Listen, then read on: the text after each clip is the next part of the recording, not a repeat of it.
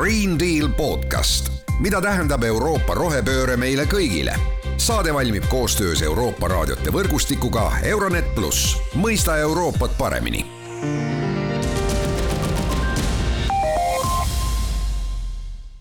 head Green Deal taskuhäälingu kuulajad.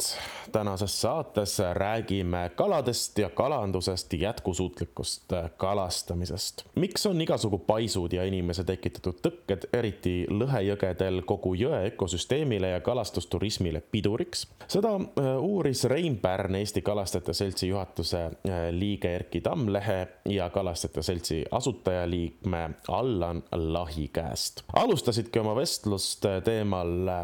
paisud ja lõhed. kui me räägime nüüd sellest samast Linnamäest ja lõhedest, et siin pole, pole jutt sellest, et noh, me kangesti tahaksime seda, et see lõhe oleks ja püüaksime ta kinni ja sööksime ära või keegi teeniks selle pealt. lõhe on looduse tippkiskja. kui lõhel läheb hästi, siis on kõik madalamad liigid ja süsteemid ka korras ja inimene on osa loodusest, kas me tahame seda tunnistada või mitte või kui palju me tahame tunnistada. ja kui loodusel läheb hästi, siis läheb pikas perspektiivis ka inimesel hästi kui me selle looduse tuksi keerame ja kui me, me oleme seda päris palju teinud inimestena, siis praegu on hea aeg nii palju kui võimalik seda inimtegevuse negatiivset mõju leevendada.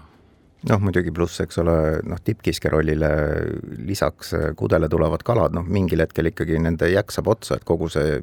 tegevus käib soo jätkamisena, eks ole, poolest suvest enam ei koguta rasva ja, ja kõik läheb suguproduktide tegemiseks ja kui nad on nüüd paar-kolm ringi jões ära käinud, et siis noh, paraku saab nende nagu eluring otsa, et äh, aga see on tohutu kogus toitaineid, mis tuleb äh, jõkke sisse. No Sindi-Paisuga läks äh, selles mõttes paremini, et see sai nüüd maha lammutatud ja mm, seal Pärnumaal ja, ja ka noh, need, see jõgikond on ju tegelikult ju võimas, üle poole Eesti ulatub, need väiksemad ju kõik, ma ei tea, kas näiteks Türile juba on, on jõudnud välja lõhe. Või, või olete kuulnud, et kui hästi see lõhe sinna Pärnu kanti on tulnud? seda niimoodi punktidena ma sulle peast ei oska loetleda, et eh, noh, pole ka niimoodi teadlikult meelde jätnud, et mis külla või kuhu ta täpselt välja on jõudnud, aga järjest ju peale paisu langemist tuleb neid teateid, et kui kõrgel on olnud silm ja noh, teadlased on olnud nagu positiivseid üllatusi, et kuskil harujõgedes või lisajõgedes on eh, leitud juba kudelkalu et see, et neid ei ole seal pikka aega ja aastakümneid olnud, ei tähenda, et nad ei leia oma pesapaikasid üles. kõik, mis sobib, läheb kasutusse et geenides on, on kalal see, see ikkagi sees, et tuleb liikuda edasi. et äh, ja, ja noh, see on jällegi see näide, aga Linnamäe paisuga on siis, äh, no vot, mina ei olegi jõudnud üldse, ei suuda lihtsalt äh, kogu seda saagat üldse nagu, nagu ette võtta ja saada asja tuumani. et kuidas teie selle Linnamäe paisu problemaatikast ja ja sellest äh, olukorrast siis nagu aru saate, et mis, mis seal toimub? noh, Linnamäe paisus on kindlasti mitu kihti seda problemaatikat, üks problemaatika on see, mida tekitab Linnamäe pais loodusele, noh, ühel pool kogub ta, eks ole, setteid, aina see järv ummistub, et iga kord, kui pais lastakse alla näiteks remondiks või hoolduseks, lähevad need setted pauhti allavoolu kõik jões uued uuesti ummistama. Jõel ei ole normaalset jääminekut näiteks, mis ööveldaks selle suudmeala korralikult lahti, et, et see kipub nagu madalaks minema aga teine pool on kindlasti juriidiline, et äh, täna on seal noh, mitte nüüd liiga suur energiatootja, et pigem on ta väiketootja ja minu teada Elering näiteks teda varuvariandina ei arvesta, kuna hüdroenergia on alati tsükliline ja noh, avarii võib juhtuda ka kuival perioodil, kui seda hüdroenergiat ei ole parasjagu. noh, omanik tahab muidugi nii kaua kui võimalik toota, on saanud ka kohtult mitu ringi esmast õiguskaitset aga samas peab muidugi kergitama kaabut ka Keskkonnaameti ees, kes väga vapralt äh, on siis looduse eest väljas ja aina uuesti ja uuesti uutes ringides kaitseb seda poolt, et äh, pais peab avatud olema. kalamehed muidugi, siin ei ole mingit küsimust, kelle poolele ka siin kalduvad, et igasugused paisud ta,, inimtekkelised takistused, äh, need tuleb kõrvaldada, loodus taastada oma algsesse olukorda. absoluutselt nõus no jaa, aga praegu siis on selline, kuidas öelda, kohtuveskid jahvatavad seal. Ja noh, muidugi on miskisugune ka ka see muinsuskaitse teema on seal juures, et see kuidagi nagu arhitektuurilise väärtusega. No arhitektuurilisest väärtusest on seal tegelikult ju originaalist üsna vähe säilinud, kogu turbiinihoone on ehitatud aastal ma ütlen, kahe tuhandendate alguses, et mitte mhm. päris nagu mööda panna võib-olla täpse aastaarvuga. Et paisukeha on nüüd eelmine või üle-eelmine aasta, eelmine aasta vist oli see, või oli üle-eelmine aasta? aeg läheb jube kiiresti kus teil mätsiti terve kiht uut betooni peale, et see ei olnud mitte restaureerimine, vaid lihtsalt hädapärane parandus, et ega seal väga palju nagu tänaseks seda noh, muinsuskaitselist osa enam ei ole, et ta meenutab noh, võib-olla oma üldiselt vormilt, aga kui sa paned kaks pilti kõrvuti, siis on nagu piltlikult öeldes nagu siga ja kägu. jah, tegelikult algupärast paisu on natukene ühes kaldaservas ja keegi pole nõudnud kunagi selle paisu lammutumist, vaid paisutuse likvideerimist ja kaladele normaalse läbipääsu võimaldamist, et jõgi saaks toimida jõena et selleks on päris palju ka ju ettepanekuid tehtud, alates sellest, et äh, põhjaluuk avada, noh, teadlased on öelnud, et ka suurvee puhul sealt tugevad kalad pressivad läbi, aga normaalse vee puhul peaks saama kudele. on olnud projekt, kus paisu kehasse on tehtud kaks kaart, et noh, säilitada võimalikult palju seda visuaalset äh, poolt, et säilitada ka inimeste noh, südamelähedane siis punane sillakene, mis seal peal on ja kus saab mõnusasti üle käia ja ilusaid vaateid nautida et, et neid projekte on tehtud ja noh, tõenäoliselt ollakse valmis veel tegema, et kui see pais tõesti avanema peaks. no ma ei tea, see asi, et seal ikkagi on selline päris tõsine järv seal ühel pool paisu siis, et äh, see vist ei ole mingisugune eriline argument, et äh, neid no ega see järv iseenesest ju noh, see pais on nüüd peale kahe tuhandendate aastate algust paar ringi maas käinud, et Eesti Energia on ta ühe korra avarii korras alla lasknud, siis oli seal niisugune noh, ikkagi küllaltki madal ja setteid täis et äh, samas see elu käib seal ainult mööda serva, et seda on väga hästi näha, kuidas taimestik kasvab serva pidi, et noh, taimestiku vahel on, eks ole, mikroorganismid ja seal on kalad, et ega seal järve keskosas mingisugust noh, lootust, et seal tohutu elutegevus oleks, ei ole. et, et selles mõttes on ta nagu natukene surnud järv ja kuna sinna settib peamiselt muda, siis ta ei ole ka noh, ujumiseks mõnus, et äh,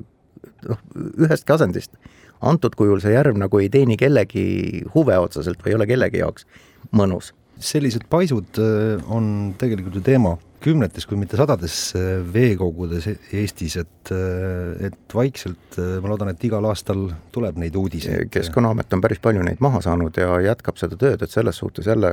noh, minu poolt vähemalt Keskkonnaameti ees küll niisugune kaabukergitus, et töö on järjekindel, et noh, pikka teed käiaksegi sammhaaval, et kõike ühe aastaga ei saa. jah, ja siin on võib-olla tegemist nagu hoiakute muutuse teemaga, et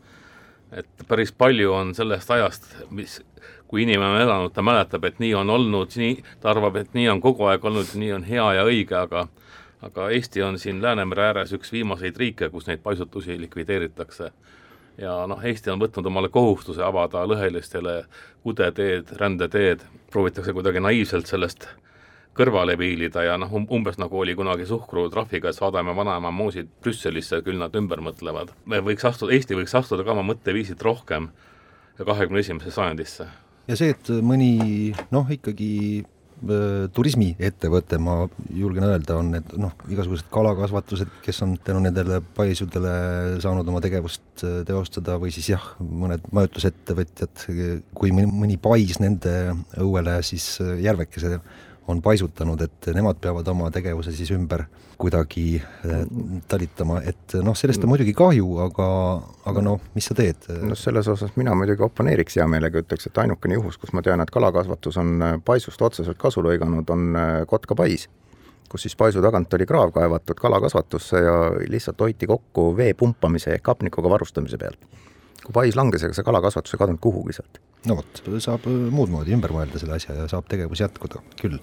ja saab, saavad ka inimesed, kes ei viitsi päev otsa veekogu ääres öö, äh, oodata, millal see, see korgikene vee alla korra sulpsab, vaid, vaid saavad kahe poole tunniga omale selle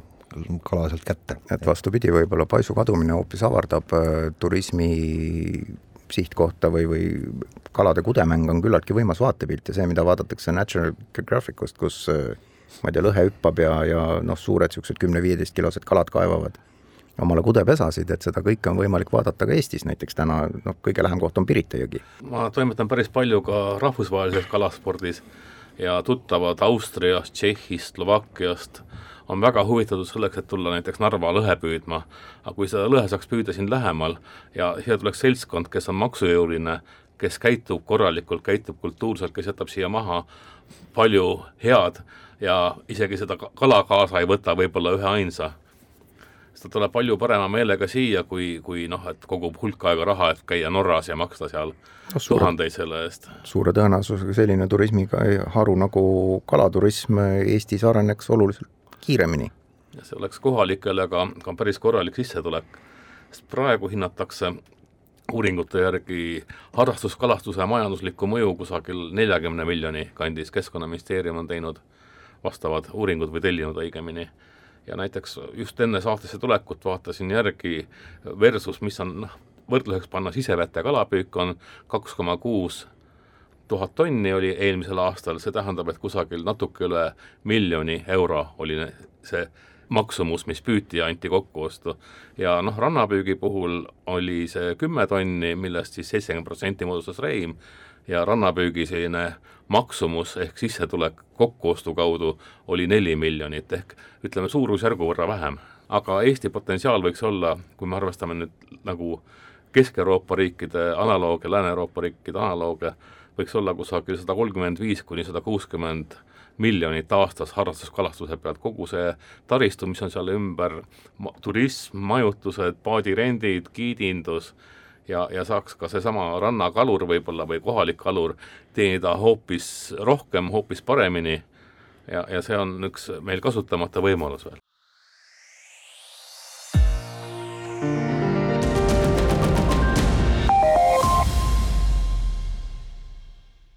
Läheme nüüd ka natuke rahvusvahelisemaks. meie Poola kolleegid uurisid, missugune on jätkusuutlik kalastamine ja uurisid seda Justiina Sajhovska käest, kes on mereökosüsteemide kaitsespetsialist. Przede wszystkim rybołówstwo zrównoważone to powinno być rybołówstwo realizowane zgodnie z prawem jätkusuutliku kalapüügi iseloomulik tunnus peab olema, et see toimub stabiilsete, tervete ja arvukate kalapopulatsioonide või teiste mereorganismidega ning inimlikult võimalikult piiratud negatiivse mõjuga teistele mereökosüsteemi osadele. seda saab saavutada mitmel viisil näiteks kalapüügivahenditel on seadmed, mis kõrvaldavad või vähendavad juhuslikku muude mereorganismide püüdmist on erinevat tüüpi tööriistu, mis on mõeldud hirmutama näiteks Läänemeres delfiine. aga neid kasutatakse mõnes merekaitsealal ka võrkudel, et hoida vähilaadseid loomi eemal ohtlikest võrkudest ning vältida nende sattumist nendesse seega on olemas lahendusi, mis vähendavad kalapüügi negatiivset mõju mereelule. Selline oligi tänane äh, Green, selline oligi seekordne Green Deal uute keskkonna ja kliimateemaliste teemadega. Oleme teie kõrvus juba üsna pea. mina olin täna siis toimetaja Mart Valner. Green Deal podcast, mida tähendab Euroopa rohepööre meile kõigile? Saade valmib koostöös Euroopa raadiote võrgustikuga Euronet pluss, mõista Euroopat paremini